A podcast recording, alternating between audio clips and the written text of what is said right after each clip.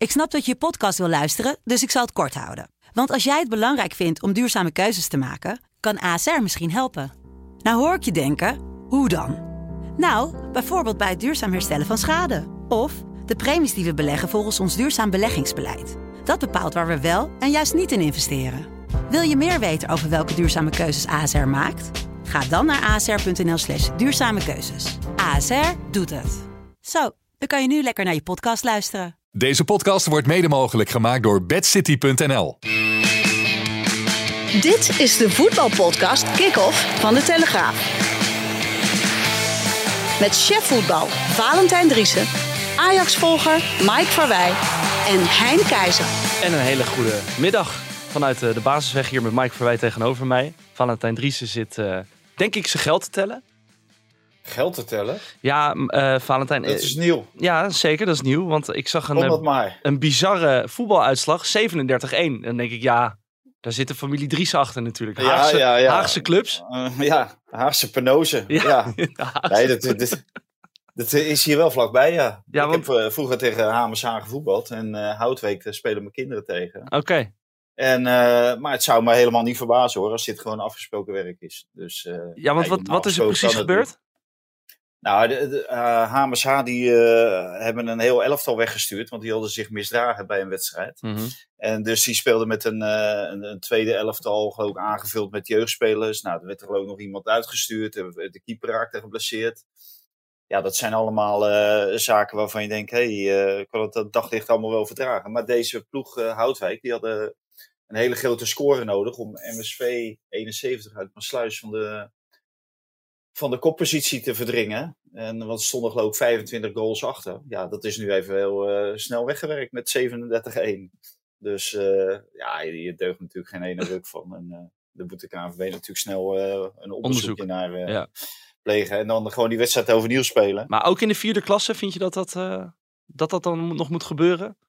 Wat? Nou, dat er dan onderzoek moet eh, gepleegd worden? Ja, dat, Ja, juist. Nou ja, je, je, je moet, je moet natuurlijk wel onderzoek. Je kan niet ja, ja, of je moet gewoon zeggen van eh, prima, we, we vinden dit allemaal eh, uitstekend en we spelen sowieso over. Maar er moet, moet wel wat gebeuren met deze wedstrijd.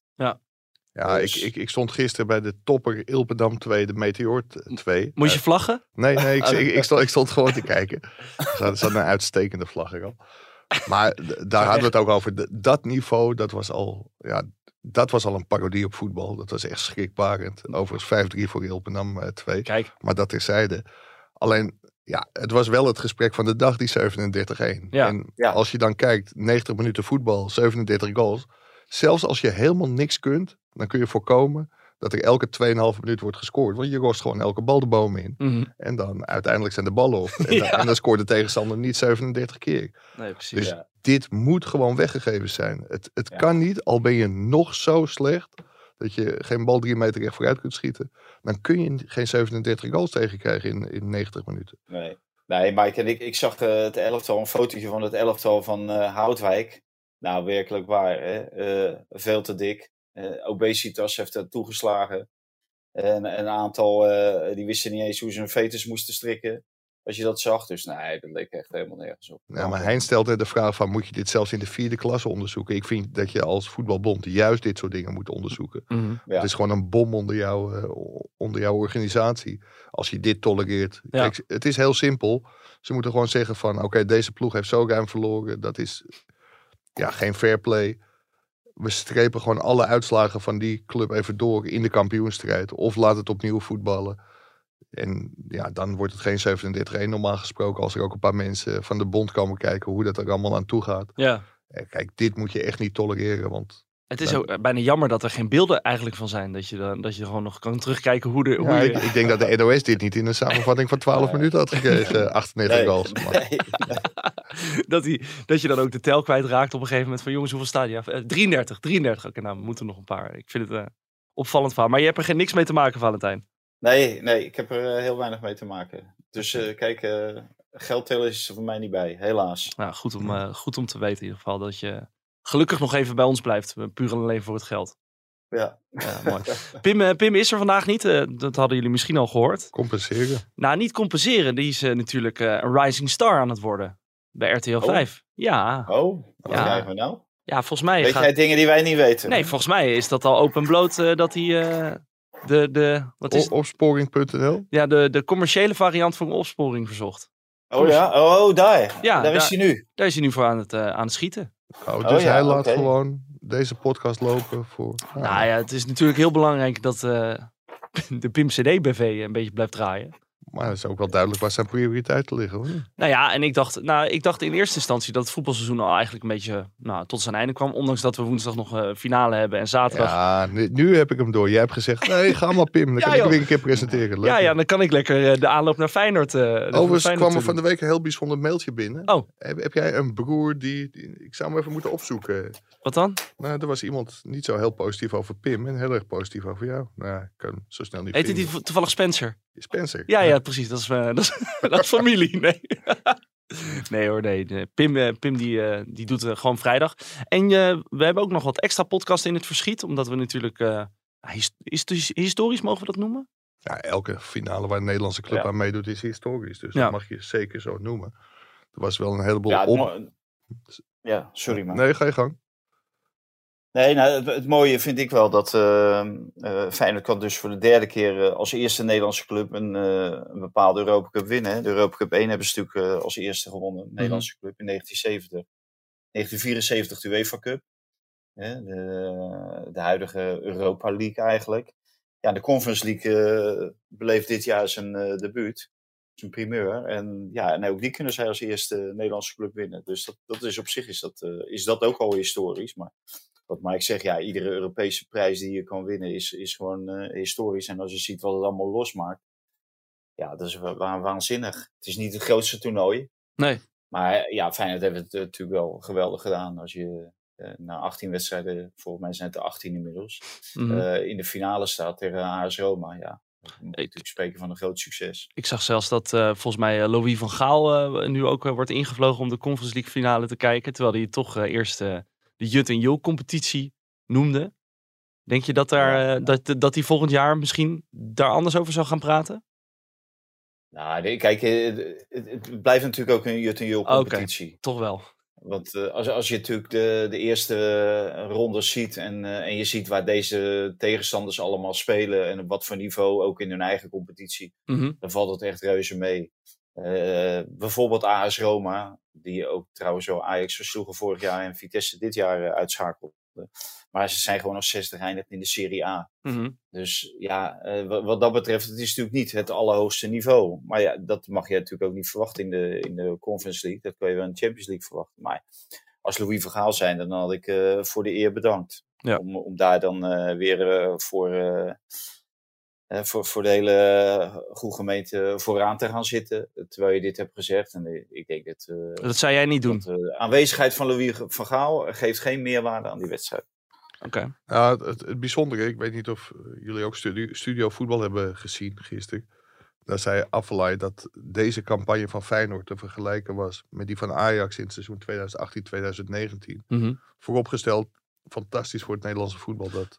Maar volgens mij drukte Affelay zich een beetje ongelukkig uit in de zin van, bedoel die met het materiaal dat Feyenoord heeft, is dit gewoon een heel knappe prestatie. Mhm. Alleen dan zie je dus heel Twitter ontploffen van ja, als je Drita, Union en Slavia Praag vergelijkt met, eh, met Bayern München, Juve en Real in 2018, 2019. Ja, dat is natuurlijk appels met peren vergelijken. En het is gewoon een compleet ander niveau. En vandaar ook de Jut en Jul competitie. Mhm. Alleen dat neemt niet weg dat het ontzettend knap is wat Feyenoord heeft gedaan. En ik denk dat Affelay dat probeerde te zeggen bij Studio Voetbal. Goeie PR-man, hè? heeft hij. Nou ja.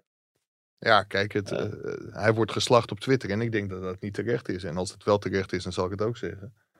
Maar ik denk dat hij dat bedoelde, want Ja. anders is het natuurlijk wel een hele rare vergelijking om dit toernooi met de Champions League uit 2018-2019 te Dat vergelijken. moet je inderdaad niet doen. Maar dit zijn, het, weet je, ik heb wel het idee dat het, dat het nu ook wel heel erg, niet alleen in Rotterdam leeft, maar ook in heel Nederland begint het een beetje toch op te leven van, nou, leuk dat er weer een finale is. Net zoals in 2018, 2019 was ook heel Nederland in de ban van, eh, van Ajax, die, die bijna de Champions League finale Ja, ook, ook in mijn dorp een eh, hoop, eh, hoop Feyenoord-fans. Ja. Meer Ajax-fans uiteraard onder de rook van Amsterdam. Mhm. Maar daar hoor je inderdaad wel dat er afgesproken wordt om woensdagavond met z'n allen te gaan kijken. Ja. Ja, ontzettend leuk om dat, eh, om dat mee te maken. Ja, mooi. Nou ja, en wij zijn er natuurlijk met de Telegraaf dag en nacht bij. Valentijn en Mars van der Kraan, de, de chef, chef sport moet ik dan zeggen. En uh, de Feyenoord-watcher van de Telegraaf. Die gaan... Wat ga je s'nachts doen dan, uh? Dat je er dag en nacht bij bent?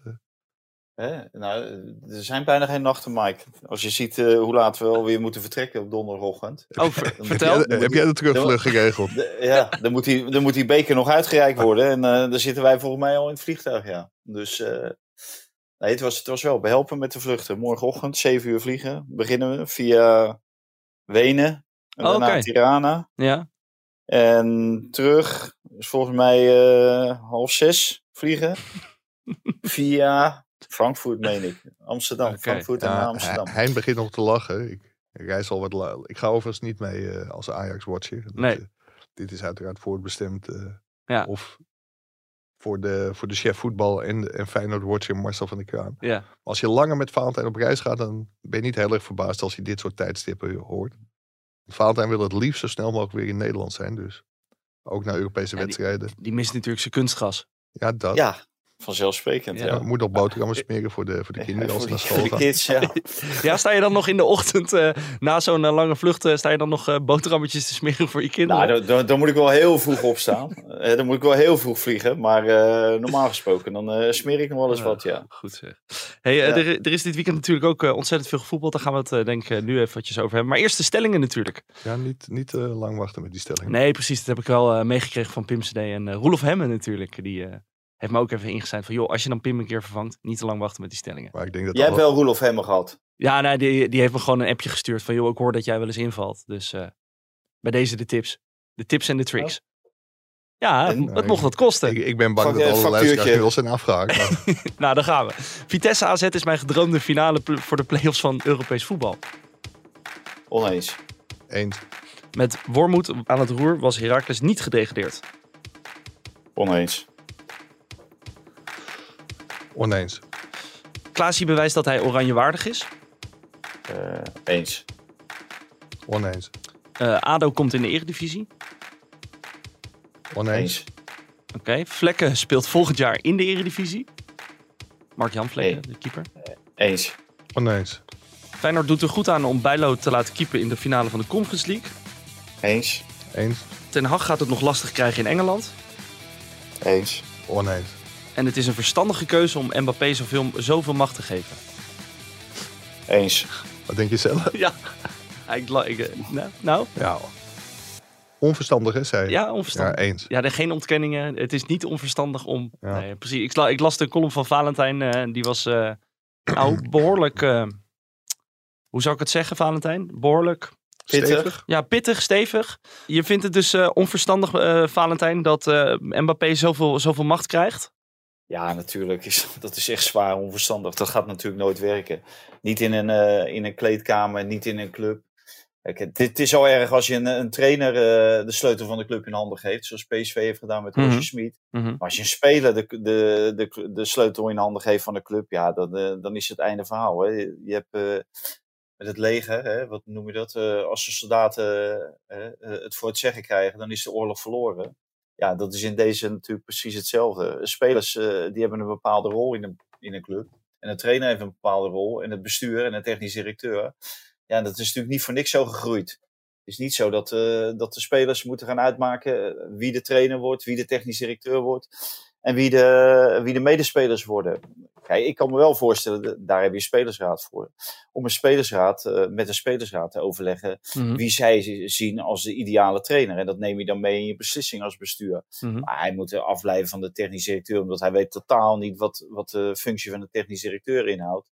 Het enige wat hij weet eh, is dat hij eh, eh, met zijn maatjes één doelpunt meer moet scoren dan, eh, Dan dan, de de ander. tegenstander. Ja, That's of it. eh, als je in de vierde klasse in eh, Zuid-Holland speelt, gewoon met 36 doelpunten verschil. Dat kan ook. Ja, ja. Maar- Maar is het niet zo dat een speler van zijn, eh, zijn allure en zijn, eh, nou, zijn klasse, dat hij dan toch dat hij een hele belangrijke functie binnen zo'n, binnen zo'n team kan Ja, krijgen? Het, het is bijna een beetje sneu dat je zoveel moet weggeven om zo'n speler binnenboord te houden. En dan uiteraard niet alleen salaris, maar dus ook inspraak in de Mhm. nieuwe trainer, medespelers. Dus Hoe is, dat, hoe is dat eigenlijk bijvoorbeeld bij Ajax? Weet je daarvan, hebben daar bepaalde spelers... Ik kan me voorstellen dat een Tadic een hele grote rol heeft binnen de kleedkamer sowieso. is natuurlijk aanvoerder. Maar heeft hij dan ook nog iets te zeggen over het technisch beleid wat er gevoerd wordt? Nee, totaal. Tenminste, officieel totaal niet. En Mhm. het zal best een keer tijdens gesprekken met destijds Overmars zo zijn gegaan dat hij zei van, hey, is dat geen goede speler? Of moeten we niet een keer kijken naar... Kijk, dat, dat is van alle tijden en van alle clubs. Ja. En dat is ook niet zo gek dat een bepalende speler best zijn mening geeft. Maar ja, die mening die neem je als technisch directeur voor, voor kennisgeving aan. En je doet er wel wat mee of niet wat mee. Mhm. Maar het is niet zo dat Overmars te horen kreeg van... en nu moet je die halen. Nee. Want dan, eh, ja, dat, dat wordt Ja, het is, natuurlijk het is nooit een geaccepteerd. omgekeerde wereld, joh. Dat, wer- dat werkt echt niet. Dat werkt echt niet. En dat, net wat Mike zegt, het is eigenlijk zelfs ook triest voor de jongen. Dat er zoveel druk op zijn schouders ligt. Of? Ja, dan komt er zoveel druk op. En, en eh, waarschijnlijk komt het niet uit zijn eigen koker, maar komt het uit de koker van en de club en, en zijn management. Dus nee, dit is een hele, hele ongezonde situatie. Maar ik, ik, Eh, ik, ik, ik denk wel, sorry dat ik je onderbreek, eh, Vader, maar ik, ik denk wel dat Tadic, maar ook bijvoorbeeld Blind, Mhm. Een hele belangrijke stem heeft gehad in de aanstelling van Alfred Schreuder. Dat was Ja. iemand die ze kende, waar ze in 2018, 19 heel prettig mee hebben gewerkt. Die ze in het begin zelfs bestempelde als het grote meesterbrein. Toen Ten Hag nog... eh, eh, Toen, hij de assi- assistent, van, eh, van Ten Hag ja. was. Dus ik geloof best dat Tadic, als er een nieuwe trainer gezocht moet worden na het vertrek van Ten Hag, dat hij zegt van, hé, hey, ik zou het heel fijn vinden als Mhm. Schreuder komt. Maar dan is het nog aan jou als club om te zeggen van, dat doen we of dat doen we niet. Ja. Het is niet zo dat Tadic bepaalt dat dan Alfred Schreuder de nieuwe trainer wordt. Maar is er dan ook nog een parallel te trekken tussen bijvoorbeeld, stel eh, Blind en Tadic spelen nog twee, drie, vier seizoenen. Ik weet niet eh, hoe lang dat eh, nog doorgaat. Dat ze dan in zo'n adviserende rol zullen, makkelijker zullen belanden. Nee, niet, niet tijdens een. eh, nou ja, advies, advies geven kan natuurlijk altijd. Ja. Maar eh, niet in een officiële rol. Dat kan ik me niet voorstellen. Kijk, wat, wat Mike net zegt, en dat geldt misschien ook wel voor spelers. Hè. Zijn ze misschien met de speler bezig? Nou, daar heeft Tadic eh, of Blind eh, heeft er misschien mee samengevoetbald. Bij Manchester United of, of elders of bij Southampton. Ah, Ja, dat je dan vraagt, Nederlands wat- zelf al bijvoorbeeld hè, met Bergwijn. Ja, wat, wat voor type is het? En, eh, of, en dat, dat ze misschien zelfs aangeven, joh, we zoeken zo iemand. Denk eens aan hem. eh, Ja. Ik heb met hem gevoetbald, hij kan wel aardig voetballen. Of dat, dat soort dingen wel. En dat, Hm. ja, dat zijn hele normale eh, zaken. Hè. Dat, dat- daar praat, praten ze binnen clubs natuurlijk wel over. Maar eh, beslissingsbevoegdheid, nee, dat moet je nooit geven natuurlijk. En ook geen veto en dat soort dingen. Daar moet je echt niet aan beginnen. Nee, je weet ook niet op welke manier het gebeurd is, hè, Vaante. Kijk, stapt daar iets naar Gerry Hamstra toe? Of denkt Gerry Hamstra, H2, Huntelaar Hamstra, Ja. eh, bij hun eerste grote aanstelling van, nou laten we toch eens ons oor te luisteren leggen bij bepaalde spelers. Meer dan logisch toch ook, als Ja, je het zo, dat, als je het zo dat lijkt me een heel normaal proces, ja. Ja, tuurlijk. Nou, oké, dan is dat... Maar als je bijvoorbeeld een linksback moet halen, ja, moet, je, moet je dan Danny Blind, of eh, Danny, Daily Blind vragen van eh, wat vind jij ervan? Nee, dat is Ja. niet handig, denk ik. Nee. Nee, zeker niet als je een concurrent gaat halen. Ja, Nou ja, misschien dat hij dan juist eh, een eh, mindere speler aanwijst. ja. Zodat, ja, zodat ja, hij nog in de basis Dus daar, dus daar wordt de club niet beter van. Dus dan moet- het is slim om dan eh, links te laten liggen, dat advies. Als je hem dat al vraagt. Nou ja, goed, duidelijk. Eh, ik had, vandaag is een best wel een bijzondere dag. Erik ten Hag wordt aangesteld in, Manchester voor Manchester United. In Manchester. Eh, ik zag eh, een filmpje voorbij komen. En ik, ik- toen dacht ik van nou, hier gaan we nog heel veel plezier van hebben. Hij was bij de wedstrijd Crystal Palace volgens mij tegen Manchester United. Daar kwam een Sky Sports verslaggever op hem af.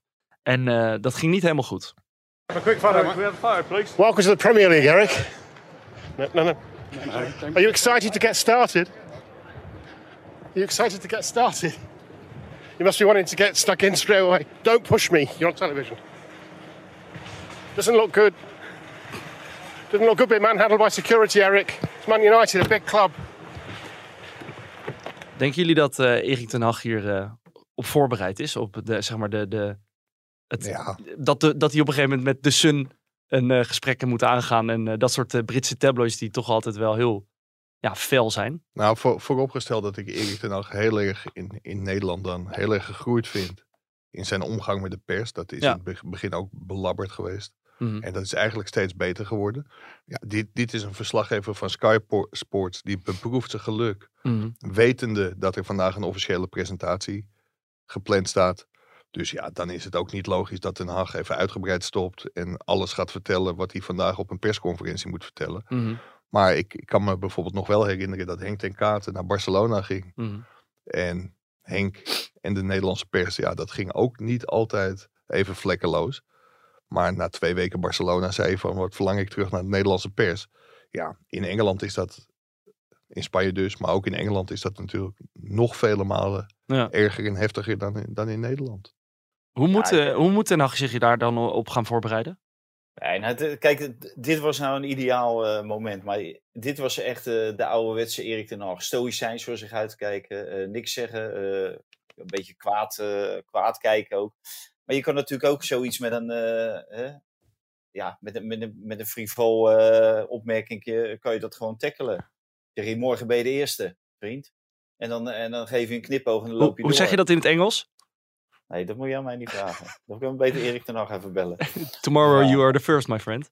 Ja, nou ja, zoiets bijvoorbeeld. Ja. Eh, dan doe je knipoog en dan lach je een beetje en dan, dan heb je iedereen voor je gewonnen. Ja, het, het is natuurlijk heel simpel allemaal. Alleen, ja, je moet er wel het gevoel eh, voor hebben. En, en dat, dat, het, ja, dat heeft hij gewoon eh, niet. Het was hetzelfde natuurlijk eh, in Amsterdam, toen het bekend werd. Dat er Engelse verslaggevers voor de poort stonden. Ja, dan rijdt hij gewoon keihard door. ja, maar geef Ja, hem eens, je- geef hem eens ja. ongelijk. Je, je Nee. kan ook je hand opsteken en zeggen... jongens, tot uh, volgend seizoen. En dan zien we elkaar weer. De groeten. Eh, dus, ja, Ja, de maar dat, dat, dat ben ik wel met je eens. Daar kun je natuurlijk iets soepeler mee omgaan. Maar vaak is dat zo. Je komt net uit de onderhandelingen. Er worden afspraken gemaakt over die presentatie. En dan vindt hij het waarschijnlijk moeilijk om wat te roepen. Dus dan loopt er zo'n kleerkast naast. En dan in één rechte lijn naar de auto en wegrijden. Ja. Maar ik ben het met je eens. Dat, dat had hij wat anders kunnen doen. Maar Ja, dit zegt wel meer over die verslaggever eh, die, die zich le- leent om, om dit soort eh, eh, stukjes op te nemen. En, en dan ook nog roepen van, eh, ja, je, je bent nu wel bij een grote club. Ja, en? Ja. We hebben een grote club, dus, dus eh, dan moeten we naar meneer zijn pijpen dansen. Die daar met zijn microfoon een stomzinnige vraag stelt. Met, met de wetenschap inderdaad dat er vandaag een officiële presentatie is. Hm. Nou ja, eh, duidelijk, eh, duidelijk statement, Valentijn. Hey, ik was benieuwd, eh, want hij wordt dan vandaag officieel gepresenteerd. We hebben het hier in de podcast wel vaker over gehad. Dat hij waarschijnlijk wel aan het kijken is om bepaalde spelers mee te nemen. Zullen die berichten dan nu daadwerkelijk wat officiëler worden van, van aard? Als hij officieel gepresenteerd wordt? ja, het, kijk, zijn werk gaat nu beginnen. Of eigenlijk Ja. is dat vorige week maandag begonnen. Want hij hoefde niet mee naar Curaçao met Ajax. En ging zich op dat- vanaf dat moment op Manchester United storten. Kijk, die geruchten die zullen zeker toenemen. Het is geen geheim dat hij Timber en Anthony graag wil. Aan de andere kant zie ik budgetten voorbij komen. Van wat hij mag besteden op de transfermarkt. Dan denk ik van ja, volgens mij kom je daar niet heel ver mee. Bij die Hoeveel, hoeveel zijn die budge- budgetten? ja, ik, ik, ik las bedragen van dat hij 100 miljoen zou mogen investeren. Maar dat, dat lijkt me heel erg weinig om dit elftal heel goed, eh, goed te versterken bij, eh, bij United.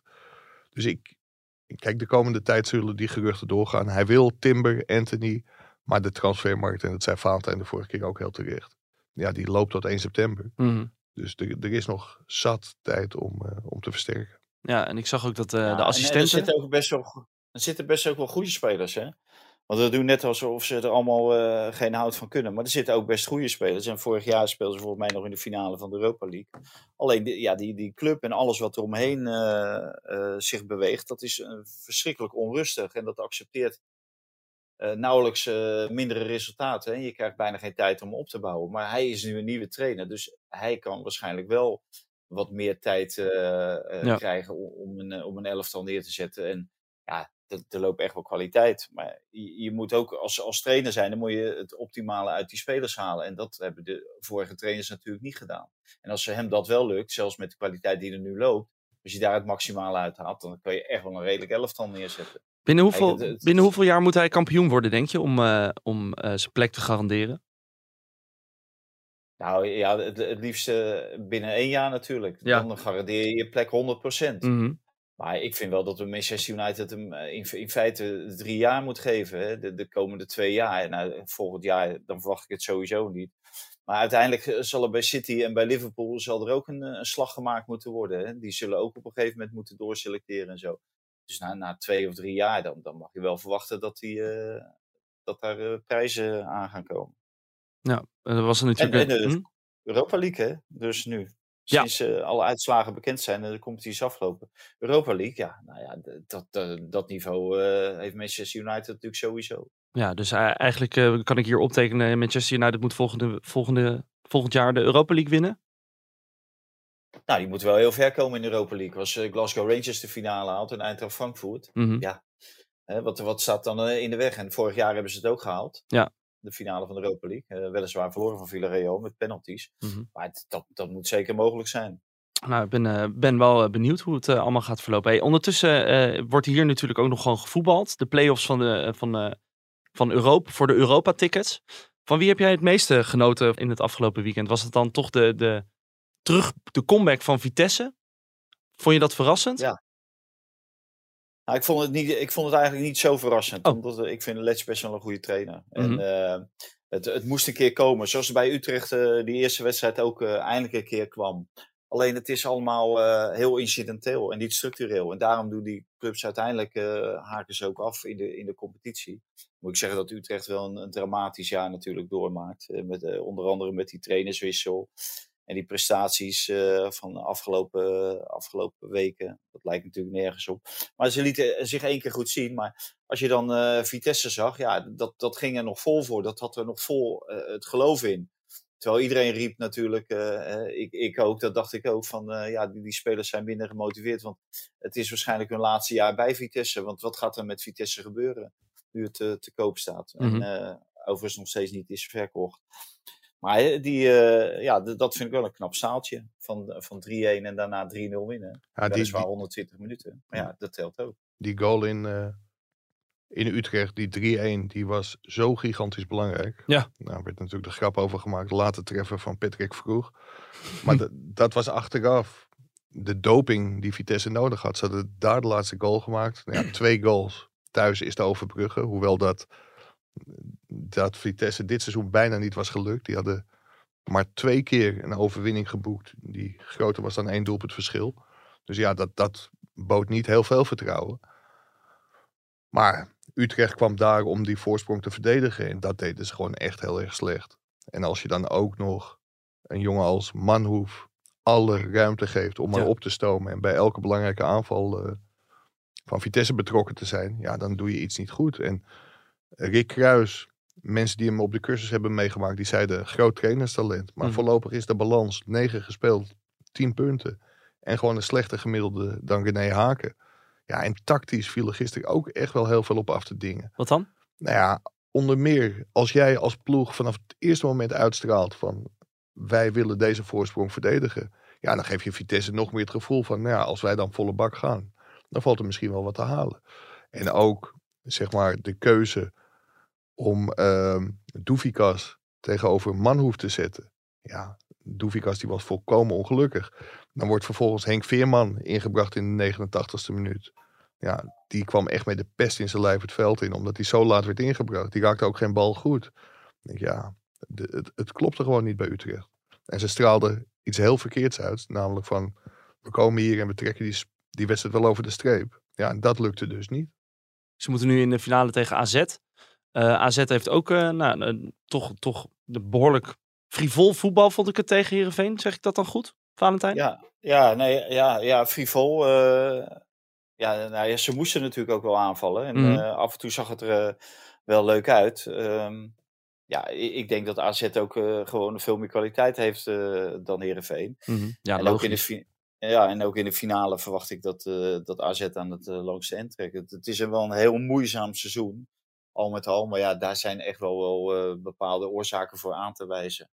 Het, het is wel zo dat ja, er zou wel wat moeten gebeuren bij AZ. Want de veelgeroemde jeugdopleiding brengt vooralsnog niet de spelers levert niet de spelers aan het eerste elftal waarvan je denkt, hé, hey, uh, daar kan AZ de komende vier, vijf jaar mee door. En uh, is dan uh, AZ-coach Pascal Jansen, want eh, toen ze nou twee weken terug, of anderhalve week geleden, verloren van RKC, toen zagen we witte zakdoekjes en nou, er werd er een beetje gemoord onder de supporterskern. Denk je dat Pascal Jansen dan nog wel de goede persoon is op de goede plek bij AZ? Ja, gisteren bewees hij van wel. Want ja. Hij deed wat hij moest doen. Maar dat er intern heel veel twijfel over hem is inmiddels, dat is volgens mij ook wel, uh, ook wel duidelijk. Mm -hmm. Maar wat ik heel erg zorgwekkend vind voor AZ, ik, daarbij moet ik wel heel eerlijk zeggen dat ik op weg, weg was naar Arnhem. Dus de tweede helft niet goed heb gezien, maar ik begreep op de radio. Ik vond AZ de eerste helft echt heel goed spelen. Alleen dan zakken ze toch weer heel ver weg. Want ik begreep dat Heerenveen op een gegeven moment zelfs uh, iets, iets de overhand kreeg. Ja, en hoe dat nou kan, dat je aan het einde van het seizoen je kunt zeggen het is een lang en slopend seizoen geweest met Europees voetbal. Maar dat je maar niet in staat bent om gewoon 90 minuten een redelijk niveau te leveren. Want Mm. ze hebben natuurlijk in de laatste wedstrijden ook heel veel tegendoelpunten in de laatste minuten gehad. Ja, en dat moet er in de finale wel uit. Want Ja. anders dan loop je het alsnog op. Ja, maar het is ook kwaliteit, Mike. Het heeft ook een beetje met kwaliteit te maken. Kijk, de, de omslag gisteren was dat ze natuurlijk die wedstrijd beslisten in de, in de allerlaatste fase van de wedstrijd. En nu een keertje geen goal tegenkregen. Zelfs nog wel één of twee hadden kunnen maken in, in, de, in de slotfase. Dus ja, daar waren ze wel van doordrongen. Maar het, het geeft geen enkele garantie eh, voor eh, de komende twee wedstrijden dat dat dan niet gebeurt.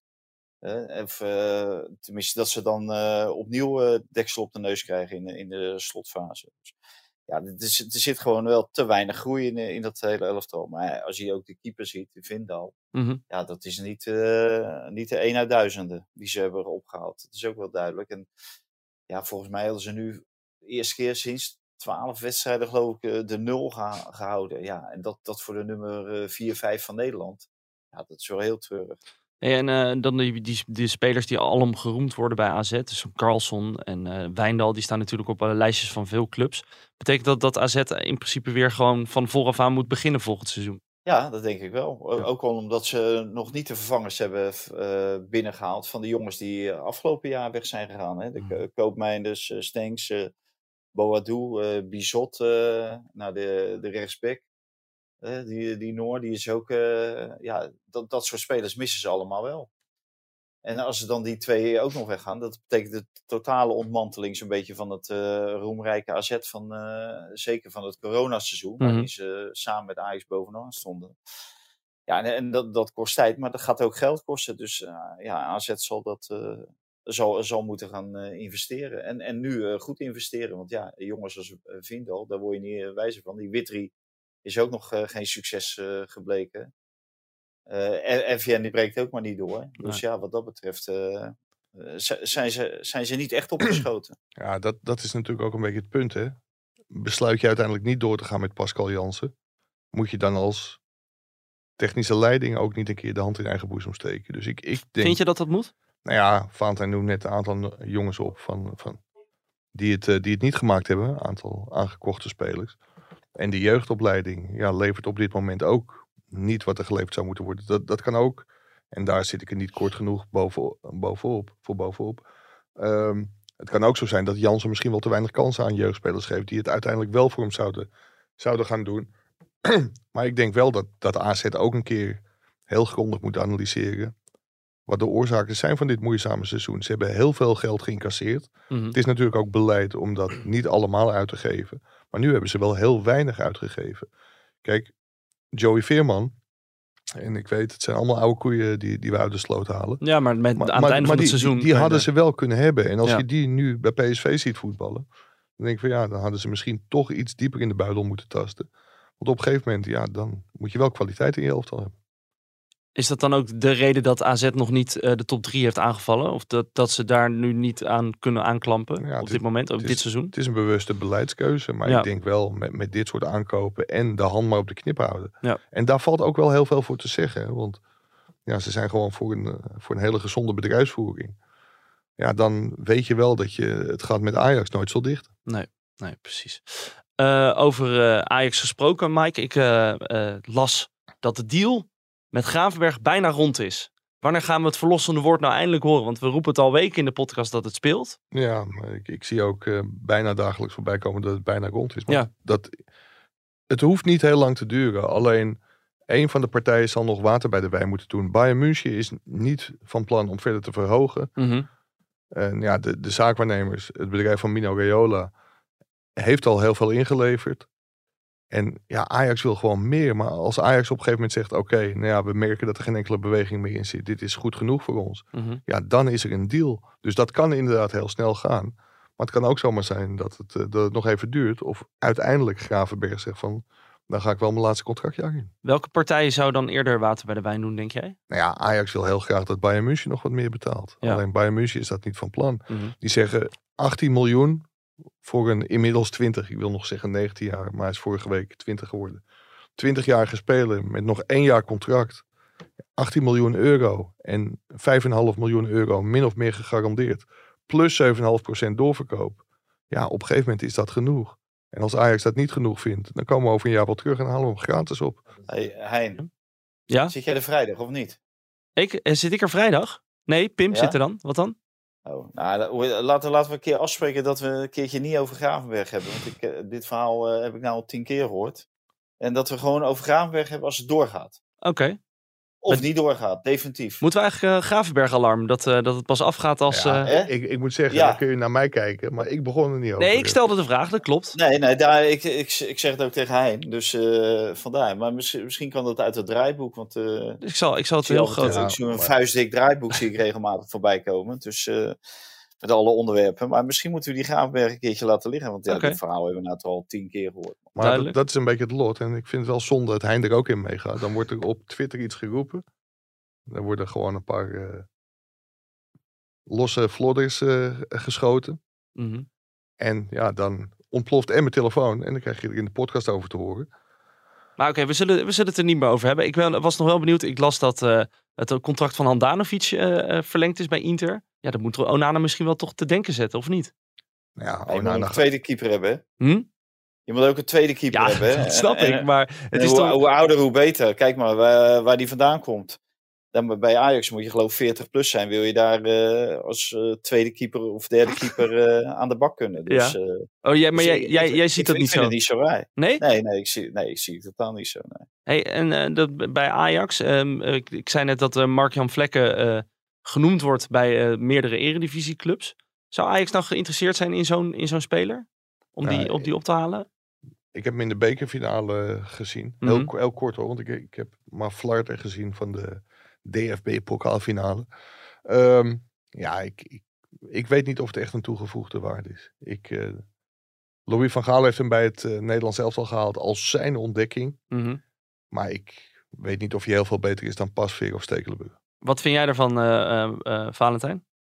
Nou, ik, kijk, in eerste instantie eh, wil ik je even terechtwijzen, want je zei het nu al voor de derde of vierde keer, maar het is Mark-Jan Vladeris. ja. En, en Mark Vlekker. Oké, jeetje.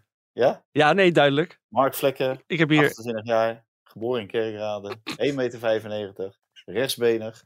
heb, jij, heb jij een Wikipedia-pagina opengezet? Is een Pim CD'tje. of niet? opengezet. Dus, eh, maar eh, nee, maar dan weet je dat die, eh, ik denk dat je die fout, fout nooit meer zal maken. Wist, maar, je, wist je al dat hij rechts was? Nou, volgens mij zei ik dat net. Eh, Maar, rugnummer? ik denk één, maar... het 26. zou, eh, 26, oké. Maar van de week, eh, met zijn benen is hij heel goed, maar qua reddingen, nee, ik, eh, ik was er niet weg van. Ik ben er nog, hij moet mij in ieder geval nog eh, overtuigen. Eh, voetballend eh, eh, geweldig, maar eh, ja, je moet af en toe natuurlijk ook een bal kunnen stoppen. Ja. En niet in twee of drie keer. Dus eh, nee, die, die heeft nog wel wat te bewijzen. Nou, oké. nou, Maar om, om nog even terug te komen op eh Gravenberg. Nee, nee, dat mag niet meer. zal ik nog ook nog één keer roepen wat nu de transfer targets voor Ajax zijn? Oh ja, nou ga je gang. daar zit wel op zich een verrassingje in. Oké, moet ik hem ontdekken welke de verrassing is? Of Ja, roep maar. Zijn naam is wel eens gevallen in de podcast. eh, Wijndal, ga je sowieso noemen? Ja, dat is... Dat is geen verrassing. Kijk, als je de podcast van afgelopen vrijdag hebt geluisterd, hebben we geroepen dat Ajax enorm aan het slapen is wat betreft Wijndal. Omdat hij gewoon, ik zei toen, een club uit een grote competitie, Mhm. Champions League deelnemer. De Valentijn dacht nog Union, maar dat was hem, eh, was hem niet. Ehm, het is een Italiaanse topclub die Mhm. hem gewoon heel graag wil en niet Juventus. Maar Ajax is wakker geschrokken. Oké, Dus ik, eh, ik denk dat ze alsnog. Het, het is gewoon echt een publiek geheim dat Alfred Schreuder Wijndal heel graag wil toevoegen aan zijn selectie. mhm. En ik denk dat het balletje, en niet vanwege deze podcast, maar dat Ajax eindelijk tot actie overgaat. En ik, ik hoop. nou, we hebben er wel een bijdrage aan gehad. Dan Nee, moet je- zeker, zeker niet. Nee? We moeten onszelf niet groot maken. Ah, groter maken dan we zijn. Maar ik, ik denk wel dat, dat het nu de tijd is voor Ajax om door te pakken. Want anders dan zit hij in het vliegtuig naar Italië. Oké, maar en is er nog een andere eh, op het lijstje die een verrassende naam? Nee, dat zijn geen verrassende namen. Ajax maakt nu werk van Bergwijn, Mhm, Robbie mhm. En Wijndal. Dat zijn de, de voornaamste prioriteiten op dit moment. En uiteindelijk zullen er ook wel andere namen op het lijstje komen, denk ik. Oké. Valentijn, ben je content met dit lijstje? Als je het Ja, zo ik- hoort? ja, ik, ik denk dat dit eh, lijstje, maar eh, voor de rest, eh, ik denk dat je ook wel een keeper moet halen nog. Ik denk niet dat je met eh, en eh, Pasveer en Stekelenburg eh, en eh, Gorter. onze Gorter, eh, dat je daar de competitie mee in kan gaan. En, eh, en de Champions League. Waar zou die dan vandaan halen, die keeper? Moet dat Nou, dan... Moet dat dan eh, niet uit waar je hem vandaan haalt, als je maar een goede ophaalt. nee, maar zou, ja, dat, dat snap. Maar zou je dan liever een, eh, een eh, ervaren keeper willen? Of zou je dan meer zo'n jong talent à la Gorter, die... Nee, nee, nee, want dan eh, zit je in hetzelfde. Je, je moet complementair, die, die keepers moeten een beetje complementair. Nou, volgens mij heb je er twee van eh, plus 40 Mhm. en eh, je hebt er Ja. één van eh 20, dus misschien eh, een eh 27, 28-jarige. Hé, hey, Mark Vlekken, 27 jaar, zie ik hier. Kijk, Zou misschien wel wat zijn. Nee, nee hij, is maar, eh, rechtsbenig, hij is rechtsbenig, hè? 28 28 jaar is hij. Oké. Maar eh, nee, je moet, je moet wel een, eh, een eh, ervaren keeper eh, eh, binnenhalen, vind ik. En ervaren bedoel ik niet eh, van 40 jaar, maar van eh, tussen de 25 en de 35. mhm, eh, die, die er direct staat in, Ja. de, in de Champions League. oké. Nou ja, het worden, worden spannende weken, zoals het eigenlijk altijd is. En tot slot, eh, Heracles eh, gedegradeerd na 17 jaar. Jij, jij, jij zei net, Valentijn, dat met Wormoed dat ze het wa- waarschijnlijk wel geha- gehaald hadden? Nee, je luistert Nee. niet. Of had je oneens Nee. gezegd? Oneens zeker. Je, Mike zei eens. Nee, Die zijn er allebei oneens. Ja. Dus het was goed dat Wormoed eruit ging. nee, dat vind Nee. ik niet. Nee, dat is een ander verhaal. Ja? Nee, da- daar mogen we natuurlijk even nuanceren. Nee, Oké. Nee, ik je denk gang. dat ehm, eh, ze, ze zochten voor een schokeffect. Nou, dan moet je weten dat eh, René Komschot, eh, die loopt daar geloof ik al 100 jaar rond bij Heracles.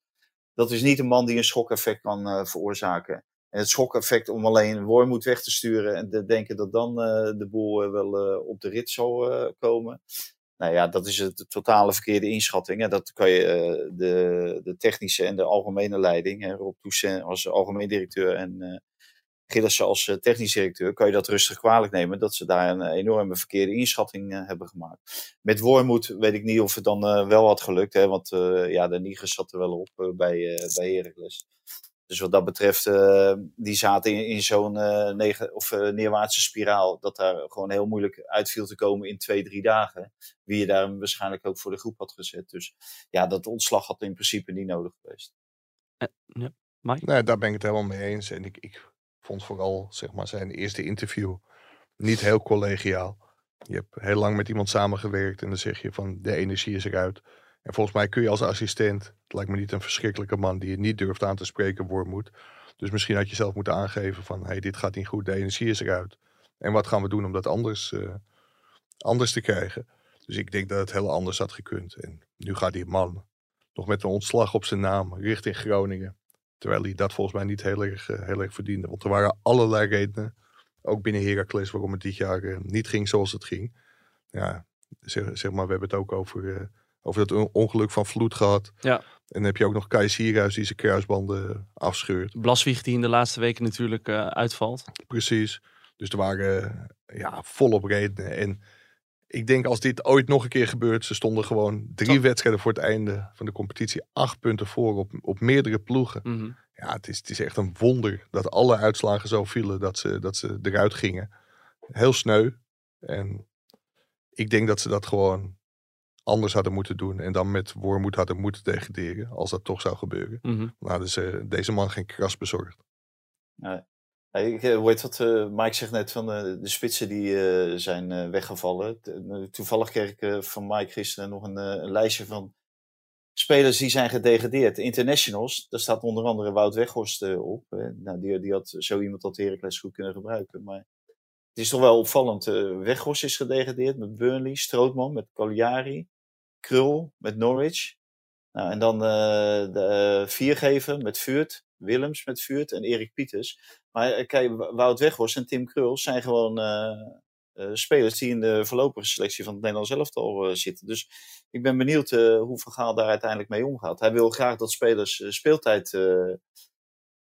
krijgen bij hun club. Maar ja, wa- wat, wat als je speeltijd krijgt in, in de Championship in Engeland en niet in de Premier League.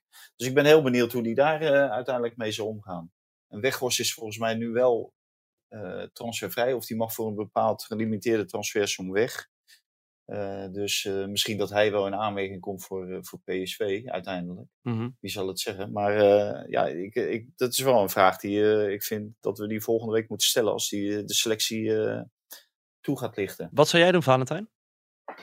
Nou ja, ik, ik denk dat uh, Championship uh, met uh, Weghorst. Ja, je hebt ook Luc de Jong heb je nog lopen. En je hebt Bobby lopen. Vincent Jansen die, komt eraan, die komt eraan. Nou, dan gaan we dan beoordelen hoe die functioneert. Ja, dan, dan zou er denk ik geen plaats zijn voor Weghorst. Terwijl ik denk dat Weghorst het beste naar PSV kan gaan. Als die mogelijkheid zich voordoet. En Tim Krul. Zou je... Dat is dan de derde doelman. Dat, ja? dat vind ik dan minder. Maar ja, als ik, ik heb Vlekken nu gezien met de penalty-serie. Ik heb Sillissen gezien met de penalty-serie. Ik liet Mike ook uh, gelijk weten. Nou, Krul die gaat 100% mee. Dan speelt hij op het vierde niveau in Engeland. Want die weten af en toe nog wel een penalty eruit te houden. En uh, ik zie Sillissen en, uh, en Vlekken zie ik dat minder snel doen. En hoe is Bijlo op strafschoppen? Die is wel goed met strafschoppen. Die, die pakte, pakte, die zag ik toen, daar was ik live bij aanwezig, dat hij nog eens een penalty van Haaland pakte. Dus uh, die is wel redelijk met strafschoppen. Ja. En volgens mij wonnen ze toen, dat was een van zijn eerste wedstrijden. was ook de Supercup tegen PSV volgens mij. Dat hij, ja, dat hij die ook hè? Met de penalty-serie, ja. ja. Dus. Maar ja, als je dan een goede eerste keeper hebt die ook penalties kan stoppen, dan hoef je geen penalty specialist meer mee te nemen. Ja, tot het moment dat die eerste keeper ja. geblesseerd raakt. Dus dan is het misschien toch handig om. Ja, zeker met Bijlo, die natuurlijk nog een blessureverleden heeft. En mm -hmm. En de derde keeper, ja, dat kan je ook stellen, stellen van, uh, daar wil ik geen algemene keeper, maar wil ik uh, iemand die uh, een specialisme heeft. En ja, penalties is natuurlijk wel een, een bijzonder specialisme. Ja, we gaan het allemaal zien. Ik ben benieuwd naar je vraag bij Louis van Gaal, Valentijn. Doe jij, doe jij de, die persconferentie? Nou, die, die vraag, die, hoe heet het, kan ik hem nu alvast op voorbereiden. Die okay. vraag is van, ehm, als uh, mensen in de tweede Engelse divisie uh, mm -hmm. spelen, komen ze dan nog in aanmerking voor het Nederlands elftal. Ja, nou, ik ben benieuwd. Uh, jongens, missen we nog iets? Wil je nog iets kwijt? Ja, de atoomklok. De atoomklok, die heb ik niet aangezet. Dat is me helaas niet gelukt. Maar ik heb een meelopen timer met een stopwatch. Jezus. Ja, ja. Nou, ik heb nog één ding. Ik, ja. ik hoop dat, dat Feyenoord de finale gaat winnen. Toch wel? Ja, zeer zeker. Mm -hmm. het is toch een Europees toernooi. En het wordt natuurlijk wel een keer tijd dat een Nederlandse trainer en een Nederlandse ploeg uh, Mourinho een, een draai om zijn oren verkoopt. En AS Roma een draai om hun oren verkoopt. Want ja, ja. Hoe schat je de kansen? Clubs toch wel uh, veel, veel pijn gedaan de afgelopen jaren. Hoe schat je de kansen van het De kansen? Ja, ja heel, heel treurig, 50-50. Nee, ik, ik denk dat Feyenoord, uh, Feyenoord een hele goede kans maakt. Ik denk 70-30. Kijk eens. Ja, ik, het zou nog een primeur zijn uh, voor Feyenoord. Want hadden vanochtend ook een overzicht in de krant. Mourinho heeft uh, vier finales gespeeld. Vier gewonnen. Alles gewonnen. Ja. Dus tijd dat hij ook een keer finale verliest. Ja. Het zou mooi zijn als Feyenoord uh, dat zou kunnen regelen. Ik ben uh, heel erg benieuwd. Ik heb er zin in. Woensdag. Valentijn, succes in Tirana. Ja, ga jij niet heen? Nee, ik ga er Jij helaas. een grote Feyenoord-fan. Ik ben de grote Feyenoord-fan. Ik ben een Feyenoord-fan, jazeker. Wat een Waar ga je het vieren? Waar ga ik in Rotterdam natuurlijk. Ja, ja, maar op de Koolsingel of in het stadion? Nee, ik, uh, uh, ik wilde in het stadion. Alleen uh, dat was toen al uitverkocht. En dus we gaan ergens in een Rotterdamse kroeg gaan we het gewoon rustig kijken. En ja, daarna ja. natuurlijk zwem, zwemmen in de Hofpleinfontein. Wat niet kan. Okay. Want die is drooggelegd door Abu Talib. Oh ja? Ja, ja die heeft, heeft hij daarvoor drooggelegd? Ja? ja, ja, zeker. Ja, die heeft de, de Hofpleinfontein drooggelegd en geen huldiging op de Koolsingel. Helaas. Nee. Ga je wel lekker in de Maas zwemmen? Ja, ga ik in de Maas zwemmen. Ja, precies. Ja. Lijkt me een heel goed idee. ja. jongen, jongen. Nee, ik ben benieuwd. Wij, wij zijn er natuurlijk, uh, nou ja, onder andere meerdere dagen met de podcast. In de aanloop naar die finale. Jongens, bedankt. En, uh, ik ga voor compenseren. Ik meld me, meld me vrijdag weer. Ja, tot vrijdag, Mike. En uh, Valentijn waarschijnlijk tot morgen. Heel goed, nee. Doei.